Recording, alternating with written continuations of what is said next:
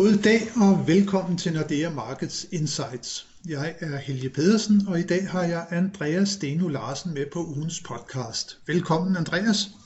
Tak for det, Helge. Stærke aktiemarkeder, lave renter, men også et nærmest bulrende økonomisk opsving foran os. Det er svære tider at navigere i for investorerne. For hvor længe vil centralbankerne blive ved med at understøtte økonomierne gennem den ultralempelige pengepolitik, som vi jo efterhånden er ved at vende os til, og måske endda opfatte som det normale. Det gælder næsten overalt på hele kloden, og et af de steder, som vi ofte søger til for at finde svaret på fremtiden, det er USA.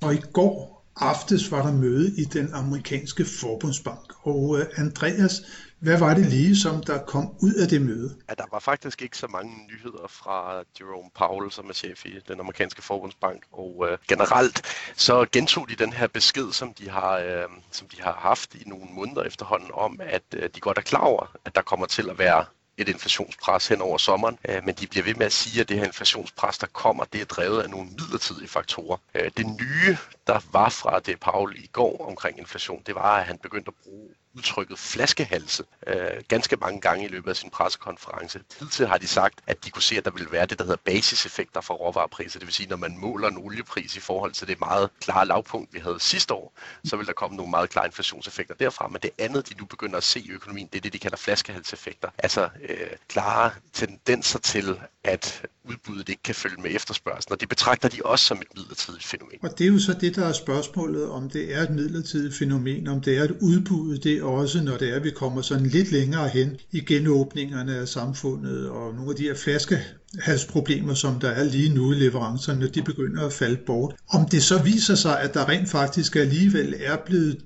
sådan opstået et lidt mere permanent øh, inflationært pres. Øh, hvad tænker du om det? Altså, jeg har sjældent været så øh, klar i mailet omkring, at inflation kommer til at stige, som jeg er nu. Øh, jeg synes, der er nogle tegn øh, på, at inflationen også kommer til at forblive høj længere øh, den her gang, end hvad vi har set over de seneste par årtier faktisk nærmest. Øh, og en af årsagerne til, at man øh, kan forestille sig, at inflationen den bliver hængende længere den her gang, det er, at der er sket et paradigmeskifte øh, på den måde, man fører øh, finanspolitik på i USA. Altså vi har fået de her direkte overførsler af penge til øh, husholdningerne fra både Biden-administrationen, men også fra Trump-administrationen, som måske har vendt lidt op og ned på øh, forhandlingspositionen i øh, arbejdsmarkedet mellem arbejdstager og øh, arbejdsgiver. Øh, vi har allerede nogle tegn også, når vi kigger sådan anekdotisk på det, på at det er meget vanskeligt at skaffe, skaffe arbejdskraft i USA i øjeblikket, selv til lavtlønsjob. Det kan være relateret til de her direkte transfers. Det kan det være, men det kan vel også være, fordi at mobiliteten på arbejdsmarkedet, den er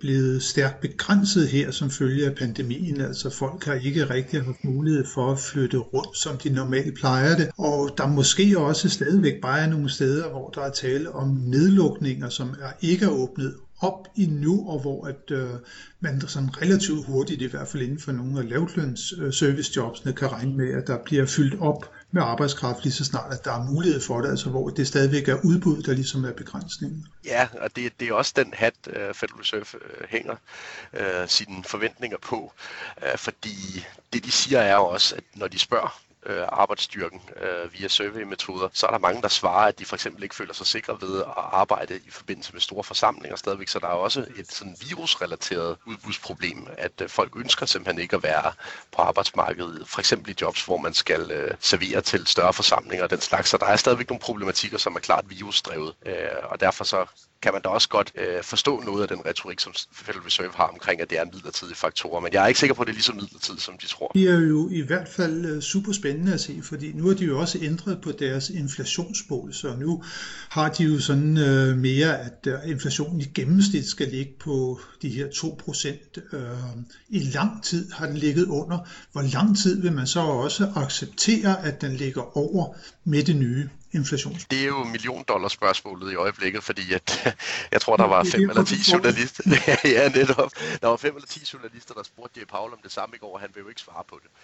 Øh, det interessante bliver, hvor lang tid de står imod testen, for der er jo ingen tvivl om, at vi over de kommende 3, 4, 5 måneder får inflationsprint, som ligger ganske markant over 2% øh, af de effekter, øh, både flaskehalsmæssigt, men også fra, fra råvaremarkederne, som vi har diskuteret allerede. Og jeg øh, må indrømme, at når jeg hører Federal Reserve i går, så virker det som om, at de er villige til at se igennem meget. Øh, og jeg er ikke sikker på, at 3-4-5 måneder i træk med inflation over 2% er nok til, at de bare sådan lige begynder at ændre på pengepolitikken. De, de er også meget klare i spyttet omkring, at de mener, at den eneste reelle inflation, den rigtige inflation, den kommer fra arbejdsmarkedet. Der ser de ikke de signaler, som overbeviser dem om, at øh, inflationen den er reel endnu. Øh, så der er altså et stykke tid til, at de bliver overbevist om, at øh, inflationen vidvarende sådan er kommet for højt op. Det vi skal have rigtig meget fokus på øh, nu fremover, det er, hvordan det går med jobskabelsen i USA, altså hvornår at man begynder at nå nogle af de niveauer for arbejdsløsheden, hvor at der normalt kommer tryk på lønningerne. Ja, lige præcis. Altså, øh, det, er jo, det er helt tydeligt, at de mener, at den rigtige inflation stammer fra arbejdsmarkedet, og derfor så bliver det interessant, hvor hurtigt arbejdsmarkedet kan vende tilbage til normalen. Vi er jo stadigvæk over 8 millioner jobs øh, fra at have ramt et, øh, et arbejdstagerniveau, som øh, vi så fra før covid-krisen startede. Øh, så der er jo mange måneders jobkreation tilbage, før vi er tilbage på noget, der vinder om det normale niveau. Det vi så i marts måned, det var jo 1 million skabte jobs stort set på en måned. Så hvis vi laver den simple fremskrivning, så tager det 8 måneder mere. Øh, det er nok lige at tage munden for fuld at sige, at det kommer til at gå så stærkt. Øh, men det kan gå stærkt, når genåbningen den øh, får lov at, at sætte sig i fuld flor. Ja, for det har vi jo erfaringer med fra den genåbning, der fandt sted sidste år rundt omkring på hele kloden, at der fik man jo ret hurtigt genbesat mange af de tabte jobs inden for servicesektoren, når der blev åbnet op igen. Så på den måde, så kan det jo godt øh, komme til at gå, gå stærkt i jobskabelsen på det amerikanske arbejdsmarked. Ja, det er også den vej, vi, vi læner os. Altså, vi, vi tror, det kommer til at gå relativt stærkt, øh, fordi mange af, af pengene er klar til at blive brugt. Altså, der er masser af penge på konti rundt omkring i den amerikanske økonomi. Det er der i øvrigt også herhjemme, for eksempel. Øh, så, så de her jobs, de skal nok vende tilbage, lige så snart folk føler sig trygge ved at bevæge sig ud i serviceøkonomien igen. Det tror jeg er et nøgleord. Så der kommer både sådan en effekt på det amerikanske arbejdsmarked fra genåbningen, det er sådan en nærmest helt naturlig effekt, og så er der jo denne her sindssygt ekspansive finanspolitik, som den nye Biden-administration også har lagt op til. Det må vel også være noget, som der er en øh, helt del jobs i, selvom øh, planerne i hvert fald for den nye infrastrukturpakke, den øh, løber over, er skille over otte år, mener jeg det er. Ja, altså hvis man skal kigge sådan meget praktisk på det, så er der jo øh, i gennemsnit har folk faktisk faktisk fået flere penge imellem hænderne igennem den her krise, hvis man kigger på, på de amerikanske forbrugere. Ja, det er jo ret atypisk for en krisetid. Så pengene de står klar på sidelinjen til at blive brugt lige så snart at økonomien øh, er genåbnet, og lige så snart at trygheden er tilbage, øh, og at folk igen har ro i maven i, forhold til at samles i større forsamlinger og den slags ting, som serviceøkonomien jo også lever af. Ja, så det bliver, det bliver meget spændende at se, om det her inflationære pres, hvornår det kommer sådan for alvor. Det har jo en effekt i hvert fald også på de finansielle markeder. Vi kan jo se, at det er, at renterne de er jo steget her hen over de seneste par måneder, også i takt med, at inflationsforventningerne de er steget. Hvor øh, skal øh, renterne så bevæge sig hen i det her miljø, Steno? Altså, vi har stadigvæk pilen pegende opad på især de amerikanske renter, øh, også delvist i, i Europa og hjemme. Øh, og det, det har vi, fordi at vi tror på det her meget stærke comeback øh, til, øh, til økonomien. Vi tror også på, at øh, det kan gå hurtigere, end hvad, hvad man havde frygtet øh, med at få genoprettet arbejdsmarkederne tilbage til øh, niveauer, vi så for før øh, covid-krisen ramte. Øh, og så øh, er der jo også den mulighed, at inflationen den bliver vedvarende. Øh, og er der noget, som er sikkert så varme i kirke, næsten sikkert så varme i kirke i hvert fald, så er det, hvis inflation bliver hængende, så kommer vi også til at få de nominelle rentesatser op. Ja, det er måske en af de allermest øh, afgørende faktorer for, hvor renten bevæger sig hen, det er inflationen, fordi man skal jo have en inflationssikring på sine investeringer, så det er der vel ikke nogen tvivl om. Men hvor højt tror du, de kan komme op? Øh, vi ligger jo stadigvæk under 2%, og i en historisk kontekst, så er det jo fortsat lavt, men, øh, men hvor skal de bevæge sig hen? Jamen altså, hvis vi bare skal, hvis vi skal starte med den amerikanske 10-årige rente, som jo er sådan et globalt pejlemærke, øh, så lå vi jo over 2,5 procent, før vi øh, trådte ind i krisen. Øh, så det synes jeg er sådan over tid et meget godt pejlemærke at sige, hvis vi får normaliseret tilstandene, så må vi i hvert fald skulle derhen. Og det er også det, vi kommer til at lægge op til i vores finansielle prognose. Hvis vi så bruger USA som sådan pejlestokken for, hvordan mm. de også finansielle markeder i Europa de skal bevæge sig. Skal vi så vente på, at det Christine Lagarde Company også begynder at, at måske røre på sig på et tidspunkt, eller vil vi bare se, at markedsrenterne simpelthen følger de amerikanske opad? Altså det er meget sjældent, at vi har modsatrettet bevægelser imellem øh, amerikanske og europæiske renter. Så når de amerikanske renter kører op, så er det typisk også noget, vi ser delvist reflekteret i Europa. Øh, jeg tror stadigvæk, der er øh, det, jeg vil kalde en form for efterslæb i Europa. Altså, vi, vi er først og fremmest længere om at udrulle vaccinen, øh, og ergo er vores genåbningsmomentum nok også en lille smule sværere end det, vi ser i, øh, i USA. Øh, så den europæiske centralbank kommer øh, i hvert fald ikke til at bevæge sig før den amerikanske centralbank. Det, øh, det er jeg ret sikker på. Øh, og der kommer nok også til at gå nogle kvartaler øh, efter at den amerikanske centralbank er begyndt at røre på sig, før den europæiske centralbank tør. Så de europæiske renter de er, er trods alt øh, noget mere fanget i dødvandet, end de amerikanske er. Ja, der har vi jo så også fortsat øh, det store opkøbsprogram. Det har man jo også i USA. Hvis det er, man skal snakke om nogle form for tapering af, af de programmer, der skal vi måske også vente, at det bliver Forbundsbanken i USA, der starter før. Øh, vi ved jo, at øh, PEP'en den øh, udløber til marts næste år, men øh, vil vi se en, en, en reaktion fra, fra Forbundsbanken inden da?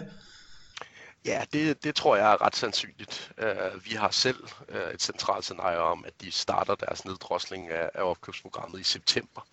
Uh, og det kan måske virke en lille smule optimistisk, når man uh, lyttede til, hvad Jay Paul sagde i går, for der er godt nok ikke mange tegn på, at de sådan lige om hjørnet barsler med sådan en uh, nedsættelse af, af opkøbstempoet. Men man kan jo heller ikke varsle det før, at man egentlig føler sig komfortabel med at gøre det. Uh, og det, det ligner uh, for os at se, at det måske vil være en oplagt mulighed, at man i juni måned sådan langsomt, men sikkert løfter sløret for, at nu er man i hvert fald ved at begynde at tage debatten internt om, hvordan det skal strikkes sammen, når man skal neddrosle opkøbstempoet. Øh, og det kunne man starte med at kommunikere uden at sætte opkøbstempoet ned. Øh, de har jo lovet, at der vil være en lang periode, eller i hvert fald en væsentlig periode imellem det første tidspunkt, de begynder at nævne muligheden for at nedsætte opkøbstempoet til det tidspunkt, de rent faktisk starter neddroslingen. Så en debat i juni og en første nedsættelse i september, det lyder som en realistisk tidsplan. Det er en realistisk tidsplan, og hvis det er, at vi nu også så vender blikket lidt mod situationen øh, herhjemme i Danmark, øh, der er der jo ingen tvivl om, at der har været meget fokus på den danske krone på det seneste, som jo har ligget ganske stærkt over for euroen. Kronen øh, ligger fortsat stærkt.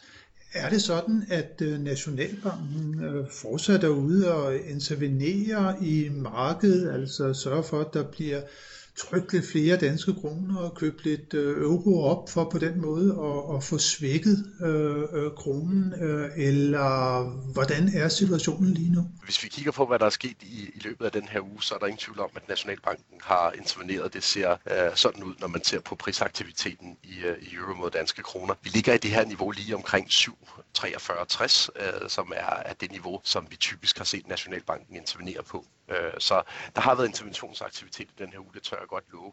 Og øh, det betyder selvfølgelig også, at vi på et eller andet tidspunkt øh, løber tør for tålmodighed i Nationalbanken i forhold til at skulle blive ved med at intervenere. Øh, min fornemmelse er stadigvæk, at vi er langt fra det, øh, den tålmodigheds smertegrænse. Altså jeg tror ikke, vi får en rentenedsættelse lige om hjørnet. Men det er klart, at hvis vi fortsat i løbet af maj måned skal se intervention på daglig basis, så er der jo et eller andet tidspunkt, hvor den interventionen den, øh, den bliver sat til siden, og rentenedsættelsen kommer. Det øh, skal blive meget spændende at følge den øh, følge tong, der er nu her omkring øh, kronekursen hen over de kommende uger og i virkeligheden også måneds tid, øh, som du nævner. Men hvis vi tager de helt korte briller på og lige kigger ind i næste uge, så får vi jo en stjernerække af vigtige nøgletal, og de kommer jo ikke mindst fra USA, og er derfor knyttet meget til den indledende snak, som vi har haft omkring amerikansk pengepolitik. Vi får ISM-tallene for, for både fremstillingssektoren og for servicesektoren øh, i løbet af, af ugen, men øh, allermest fokus vil der måske være på arbejdsmarkedsrapporten, der kommer på, på, på næste fredag, og det er jo ikke mindst fordi, som vi har været inde på, så begynder Forbundsbanken at rette blikket endnu mere stift mod netop udviklingen på jobmarkedet, og hvad, øh, hvad skal vi vente os af de tal, Steno? De, du har jo allerede løftet sløret lidt for det. De bliver vel stærke? Ja, det gør de. Altså, øh, når vi, når vi kigger på udviklingen i løbet af april måned, vi har jo så nogle tidlige indikatorer, for eksempel fra de ugenlige ledighedstal, så tyder det på, at vi får en super, super stærk arbejdsmarkedsrapport igen øh, for april måned. Øh, og jeg vil ikke være overrasket, hvis vi fik omkring den her million skabte jobs igen, måske endda lidt mere end da. Øh, og så begynder det jo for alvor øh, at lugte af, at vi får øh, gang i momentum i det amerikanske øh, jobmarked. Så, så det, det lugter en stærk arbejdsmarkedsrapport, og det er også derfor, det er sådan en, man skal holde øje med også for renteudviklingen, fordi nu hvor Federal Reserve har øjnene så stift rettet mod arbejdsmarkedet, så vil det også være en af de nøgletal, som kan flytte på rentemarkedet, hvis vi får en positiv overraskelse. Det får vi se, om vi gør på næste fredag, så hvor masser af, af vigtige nøgletal. Men tak for nu, Andreas, og tak for alle jer, som har lyttet med. Det håber vi også, at I vil gøre, når vi er tilbage med nyt for de finansielle markeder igen i næste uge.